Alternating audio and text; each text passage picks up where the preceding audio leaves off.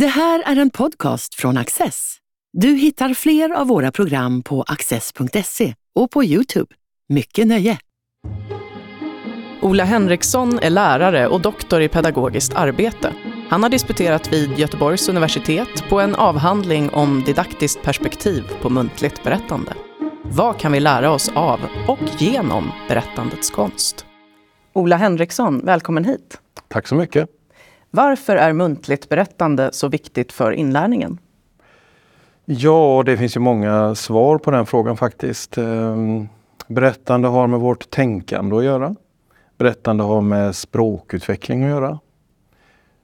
Som människor så, ehm, alltså en grundläggande förståelse av vad det är att vara människa, så får man också tänka kring berättelser. Det är så vi förstår ehm, händelseförlopp. Det är så vi förstår historia. Eller? Det är så vi förstår eh, oss själva och så vidare. Så att berättande har på, på många olika sätt med, med lärande, kunskap och undervisning att göra, menar jag. Du skriver att eh, redan de gamla grekerna höll på med muntligt berättande. Vad kan vi fortfarande lära oss av dem idag? Och är det någonting som de tänkte kring berättande som för oss är helt bisarrt? Ja, alltså vad man kan lära sig är ju fram, som jag tänker på så är det Sokrates till exempel som använde berättelser i sin undervisning. Det var ett sätt att, att gestalta mm, fenomen med hjälp av, av berättelser till exempel.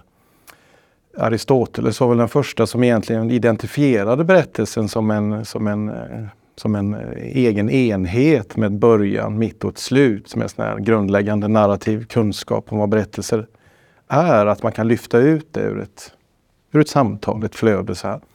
så det finns ju många saker som, som, som hamnar hos de här antika eh, filosoferna och kring deras tänkande och berättande. Men det har ju naturligtvis, det finns ju spår som är ännu äldre än just från antiken också. Det finns ju till exempel en, en rolig eh, ska man säga, läroplan och kursplan från, som är skriven på sanskrit som heter Panchatantra som betyder de fem vävarna och som egentligen är bara fabler men som användes i undervisande syfte. Liksom. Och de fablerna känner ni igen. Det är de här eh, mm. Lejonet och musen till exempel, såna här ganska klassiska sagor. Eller ja, fabler är det ju. Som från början var eh, lejonet och, eh, nej, musen och elefanten, för det, det är en indisk församling det här. Sen så har den spridits för världen och så blir det andra djur men det är samma tema. Liksom. Men så fortfarande de historierna som lärare fortfarande berättar för elever ja, idag? Ja, absolut. Och bland annat det enda som mm, Alltså sagor och myter och så här har ju, har ju använts länge i undervisande, lärande syfte. Vad det innebär att vara människa, som fabler till exempel. Men under 1600-talet så var ju um, religionen väldigt viktig. Alltså kristendomen, det var det man undervisade om egentligen. Eh, innan upplysningen. Och då finns det ju den mest kända didaktiska, alltså fadern av didaktik kan man säga, Comenius, skrev ju ett jätteverk liksom om att hur man vill kunna lära alla allt ungefär. Och där står det att man ska använda fabler, så det gick bra. Fablerna gick bra, men inga myter och sånt där. Och då är de fablerna bland annat med, sådana där som är så gamla. Liksom. Och hur kommer det sig att det blev just det här ämnet för dig? Ja, det finns också några olika svar på det men, men kort är det att eh, jag eh, jobbade tillsammans med en man som heter Ulf Ernström och för dem i, i berättarrörelsen i Sverige så är han eh, en känd person.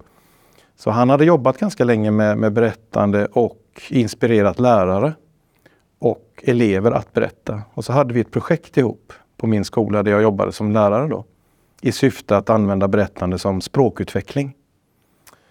Eh, och då eh, insåg jag under den tiden att det var, det var så bra i så många andra sammanhang än i syfte att träna språk. Det väckte så mycket frågor, intresse och nyfikenhet och sådär. Så då blev, jag intresserad av berättande på ett annat sätt. Men det är ju en del av sanningen, för när jag var liten och växte upp så, så berättade min mormor mycket. Och hon berättade ju inga fabler och sagor utan hon berättade ju skvaller helt enkelt. Och, och, det var ju snällt skvaller om grannar, och, men det var ju just det här att lyssna på någon som berättar har ju så stor betydelse. Upptäckte jag när jag började tänka på vad människor har betytt. Och hur ser forskningsläget ut vad det gäller berättandet? Eh, ja, det finns ju lite olika svar på det också egentligen. Men det, det ena är ju att alltså just nu känns det ju som om det, det ett nyväckt intresse ändå för berättande och, och undervisning mer, alltså pedagogik och didaktik och så här. Det finns en annan avhandling, en kollega till mig som har skrivit om barns berättande på förskolan. Hur viktigt det är. Och, och samtidigt så finns det ju andra typer av berättarforskning i andra ämnen, liksom. etnologi och och inom eh, vårdvetenskap har man använt berättelser länge. Det finns ju många olika typer av forskning som använder berättande. Olika perspektiv. Men vad, vad saknade du i forskningen som du ville fylla själv? Eh, ja, men det var specifikt, alltså vilken betydelse det har för undervisning, alltså lärarperspektivet egentligen. Eh, och det kan man kanske tycka är märkligt för det är så förgivettaget. Så att det är bra när lärare berättar och man vet att det funkar men det kanske inte har varit riktigt jag tyckte man kunde fördjupa det och specialstudera det egentligen. Hur berättar man då en bra historia? Vad är receptet? ja, nej men det där är ju inte det, är inte det jag har studerat. Utan jag har ju studerat mer, men jag, jag kommer tillbaka till den frågan då. Men det jag har tittat på är ju alltså det vardagliga berättandet, det spontana berättandet, det som, det som vi alla gör. Som vi gjorde innan vi satte oss här i studion. När man berättar eh, i mötet med varandra. Och det gör man även som, eh, som, som elev i skolan och lärare. Eh, så det var mer det, och då behöver det inte vara bra, liksom, men det ska finnas. För det är en, det är en öppning till ett, till ett annan förståelse av ett ämne och sådär. Så det var mer den typen av berättande. Men sen finns ju allt ifrån det här vardagsberättande som vi knappt vet om att vi gör till proffsberättare som står på en scen liksom, och tränar jättemycket på att berätta en bra historia. Liksom. Men det var lite intressant det här när vi satt här ute och pratade nyss. Att eh, jag kom på mig själv med att jag blev väldigt självmedveten i saker som jag berättade. För att jag var medveten om att här sitter ett proffs och bedömer mig. Jaså. Lite som när det sitter en psykolog på andra sidan ja. bordet och man bara tänker sig lite för vad man säger. Men då känner du inte mig riktigt kanske? För... Men jag funderar på, eh, det är ändå så att när man är expert på ett ämne så ser man ju saker som mm. ingen annan ser. Vad mm. ser du som ingen annan ser? Alltså jag har ju skaffat mig en förståelse och, en, och ett sätt att snabbt identifiera berättelser i ett samtal så här. Så, där berättar hon ju någonting, alltså en liten kort episod med, som är ett händelseförlopp. Många tror ibland att ja, han berättade så mycket men egentligen så gjorde han inte det. För han satt bara och beskrev eller han ref reflekterade eller han eh, ja, gjorde andra saker än att berättade. Så det är något, något unikt, själva berättandet menar jag. Och det kan jag väl identifiera, tror jag. Du var inne tidigare lite på det här om tvärvetenskapligheten mm. och att det finns i flera olika discipliner. Mm. Vilka och hur märker man det då? Eh, berättande har ju alltid använts förstås som ett sätt att förstå varandra och förstå händelser och förstå det mer som ett ska man säga, humanvetenskapligt verktyg har det alltid varit. Men eh, först egentligen på från 70 och 80-talet så kom det någonting som heter den narrativa vändningen. Det var då eh, det blev en annan akademisk perspektiv på berättande, som narrativ forskning och så här. Egentligen så var det som en, en, ehm, en kritik mot ett alltför instrumentellt syn på ehm, kunskap och undervisning när man kom mycket från psykologin kanske. Så, här, så men då blev det en slags humanvetenskaplig vändning, en kritik mot det här. Och då eh, uppmuntrade man eh, forskare att använda berättelser för att få reda på hur människor eh, förstår sitt arbete, sitt förhållande. Så inom samhällsvetenskap och inom vårdvetenskap, inom historisk forskning så började man använda berättelser. Och det finns ju fortfarande kvar förstås. Genom mängd... intervjuer då? Ja, precis. Det kan, vara, det kan vara ett sätt. Man intervjuar lärare om deras arbetssituation och hur det har förändrats över tid och så här. Eh, och då är det narrative research och då finns det och en del av den, alltså det finns två olika perspektiv på den. Det ena är att man, man intresserar sig för berättandet. Alltså det som man kan identifiera som berättelser mellan människor. Men det kan också vara livsberättelser. Din berättelse om ditt arbete till exempel. I din avhandling så har du eh, fyra olika studier. Mm. Där du har pratat med svenska lärare men också indiska. Mm. Varför har du valt Indien? Ja, eh, det var faktiskt en liten tillfällighet och en liten möjlighet som öppnades för att jag var med i ett projekt som Västra Götalandsregionen hade. Och de hade ett utbytesprojekt med en provins, en eh, i som är Bangalore, i Karnataka, som, som ligger i södra Indien. Och det var ett eh, mm, kulturprojekt. Så att det var filmare som var där nere och bytte erfarenheter. En indisk filmare var i Sverige och sen så hade man dans, som inte jag missminner mig. Och så hade de också hittat ett sånt där storytelling center. Berättare som jobbar eh, med berättelser och skola. Liksom. De var ute med som ett kulturskoleprojekt. De var ute och berättade och, och sådär. Och jobbade med olika eh, aktiviteter som bild och dans och sådär. Så blev jag indragen i det projektet som en del av det. Så jag var fram och tillbaka under fyra år och jobbade med det här indiska storytelling-centret. Och lärde mig en, en del om indiskt berättande. Och hur skiljer sig det indiska berättandet från det svenska? ja, men det är jättestora skillnader, men det finns också flera likheter. För det första så är det en mer livaktig tradition fortfarande kan man säga. Det berättas mer. De kan eh, för det mesta såna här fabler som vi pratade om tidigare eh, hemma. Så de berättar, de berättar mer helt enkelt. Det är mer en levande tradition fortfarande. Vilket fick stor betydelse när jag gjorde den här studien ändå. För då, om man skulle kunna lägga de här svenska lärarnas eh, uppfattningar, upplevelser mot de indiska lärarnas upplevelser. Och inte göra en riktigt jämförande studie för det är för litet underlag men ändå lägga dem bredvid varandra och se skillnader och likheter och sådär. Annars är det indiska berättandet som jag mötte i skolan ett ganska lågmält och ganska vardagligt typ av berättande som var väldigt sammanvävt med undervisningen. Liksom. Det övergick plötsligt i berättelser och sådär. Så um, det var inte så dramatiskt berättande, så där storslaget egentligen. Men sen finns det naturligtvis en typ av scenkonst med berättande som är väldigt annorlunda. Med mycket musik invävt i berättelsen och sådär. Och långa liksom, myter som berättas inför publik och sådär. Ditt ämne är ganska omfattande. Hur mm. har du gjort för att avgränsa forskningen? Ja, det fick jag göra för att eh, till slut så fick jag bestämma mig för allt ifrån, alltså, tänk berättande i skolan. Ja, då tog jag lärarperspektivet. Då är det lärare som berättar. Sen så var det, ska jag identifiera berättelser eller nej, då blev det berättandet. Själva situationen, då har jag redan avgränsat det så långt. Och sen så till slut så blev det det kroppsligt levandegjorda berättandet. Så det är alltså videoinspelningar av lärare eller lärarstudenter som berättar. Och då, ehm, och då får man en mängd material. Så till slut så fick jag också välja ut utifrån den mängden av material vissa moment helt enkelt som jag analyserade med djupanalys och kunde skriva artiklar om.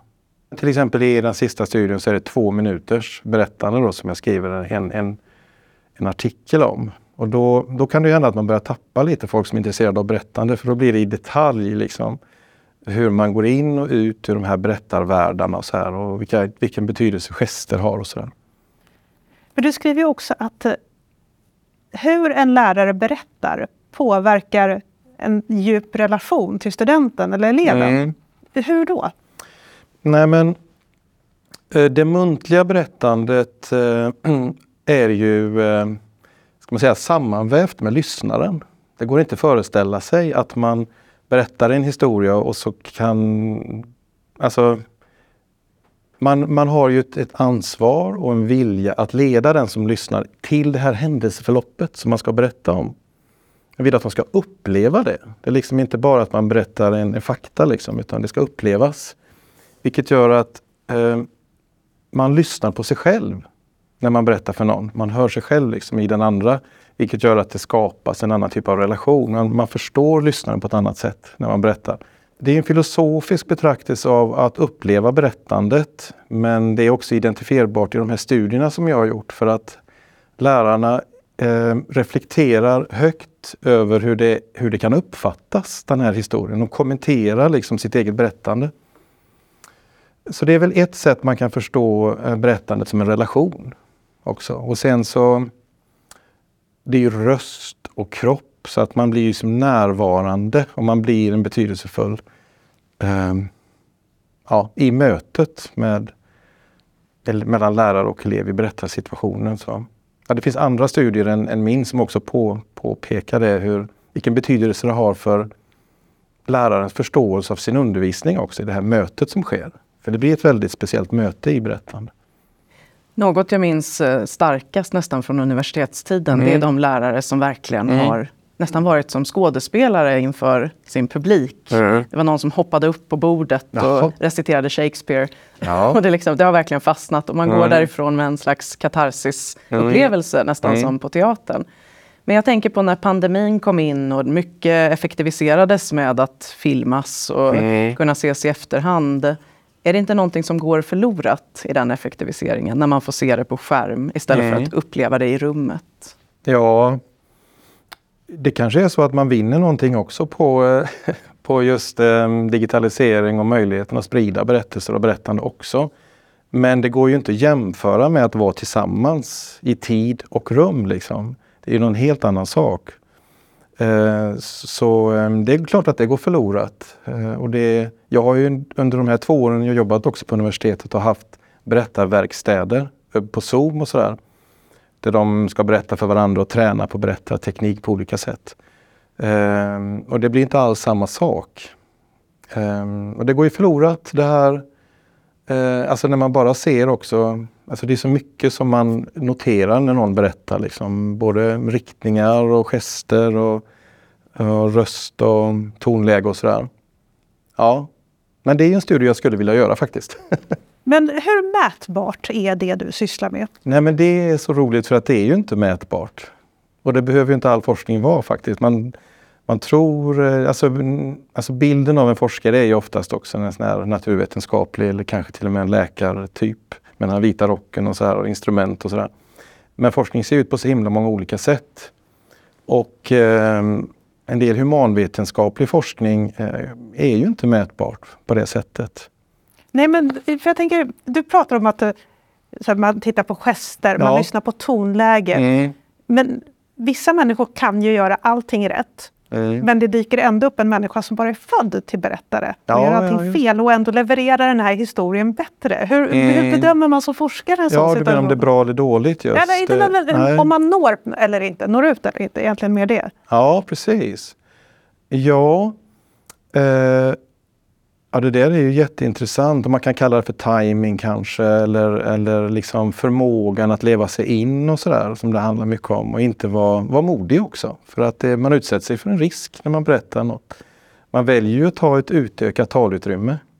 Det var en gång alla lyssnar så måste man ju slutföra det här. Liksom.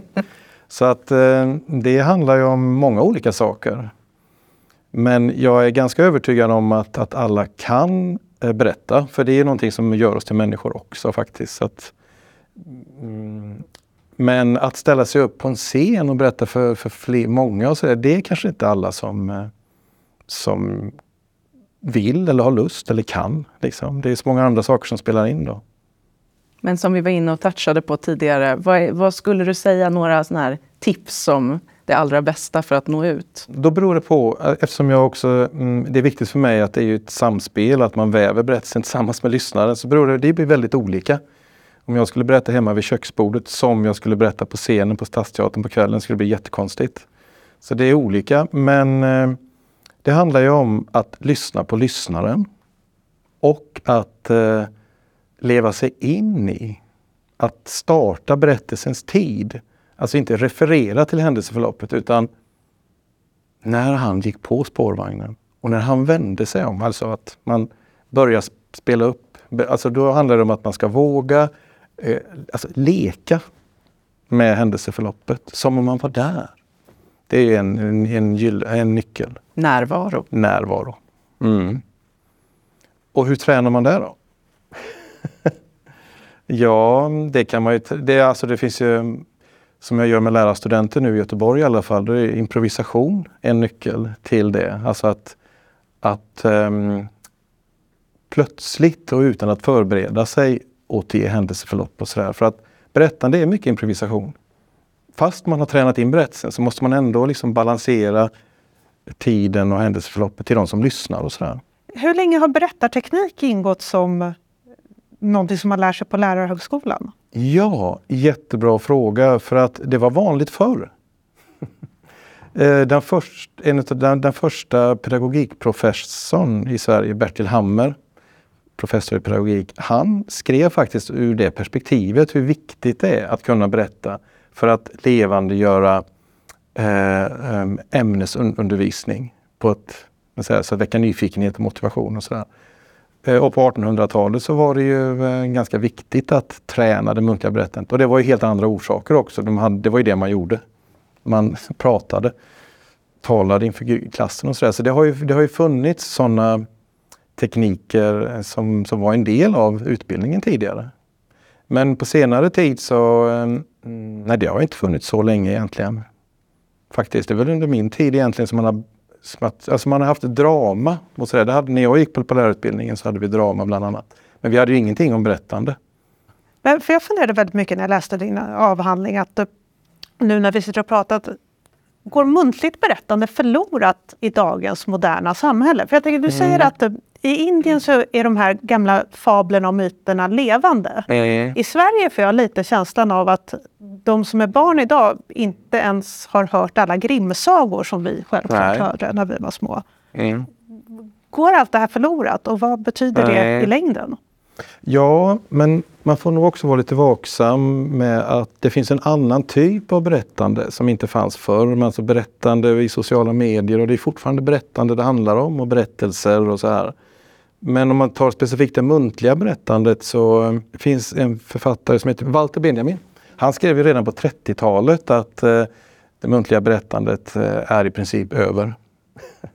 och I takt med modernismens framväxt och sådär så menade han att man möter inte någon människa nu för tiden som kan berätta en historia ens. Det var väldigt dramatiskt men, men det är lite grann den frågan du också ställer om det har förändrats så. Och, och det, alltså delvis är det väl sant. De traditionella sagoberättandet och så är inte alls lika vanligt. Men det har ju bytts ut mot annat typ av berättande. Vi är berättande varelser så vi kan inte sluta berätta. Men du säger att det har bytts ut mot sociala medier-berättandet. Är inte det otroligt sorgligt? Nej, men jag vet inte. Jag, jag är inte, då får jag väl sätta min gräns för vad jag har studerat och det kanske är nästa, nästa sak jag ska studera. Men det är kanske mer ett skrivet berättande? Mm, det är det också, men det berättas ju en del också. Så här, eh, ja. Jag är lite nyfiken på vad som händer nu efter disputation. Tar du det här vidare till ditt vardagsliv som lärare eller mm. fortsätter du inom akademin? Nej, men jag tror att jag kommer eh, fortsätta inom akademin. Jag vill gärna forska vidare. Det finns en hel del kvar att, att undersöka kring, kring det muntliga berättandets betydelse på olika sätt. Så det vill jag gärna göra. Förutom lärare, mm. vilka fler yrkesgrupper skulle vinna på att bli bättre på, att, på muntligt berättande? Um, ja, det finns ju, alltså inom, till exempel inom vårdvetenskap, i möte med patienter och så här. Det är bra att kunna förstå människan som en berättelse och låta dem berätta också för att få en annan bild av här sjukdomen kanske man har. Men jag tror vården är ett jättebra exempel. Ja. För där det är så lätt att information, mm. det kommer mycket information mm. men det går över huvudet på patienten. Mm. Men jag tror att det finns en ganska upparbetad eh, metodik också kring som läkare till exempel går, i, går igenom eh, som en del av sin ut, utbildning och sådär. Um, ja, men I alla yrken som man har med, med eh, människor att göra, definitivt. Så då får man gissa själv. Ja, jag tänker ju det här som du skriver att om elevers relation till deras lärare mm. påverkas av hur mm. väl läraren berättar. Mm. Då är det väl inte bara yrkesgrupper man ska prata om utan Nej. Mänskligheten i stort. Ja, precis. Och då blir det så stort så att det blir, tappar sitt intresse kanske. Det här är bra för allt. Jaha, okej. Okay. Men eh, jag eh, jag stod också i en kö i matsalen en gång, Bamba som det heter i Göteborg. Och sen så sa jag väl någonting till någon elev som stod framför och så vänder sig en elev om och säger hon Åh, jag trodde Loke var här. Alltså en Loke är ju en, en karaktär i, i, en berättelse i nordiska mytologin. Så hade, hade min röst eh, var liksom i samklang med hennes upplevelse av den här berättelsen. Så det bara det är ju en betydelse att man har upplevt någonting tillsammans, skapar den relationen. Nu illustrerar du vårt samtal här perfekt genom Jaha. att avsluta med en berättelse. Ja. Ola Henriksson, stort tack ja. för att du ville komma hit och förklara din forskning. Tack så mycket. Du har just lyssnat på en podcast från Access. Du vet väl att vi också är en tv-kanal och tidning? Teckna en prenumeration idag på access.se.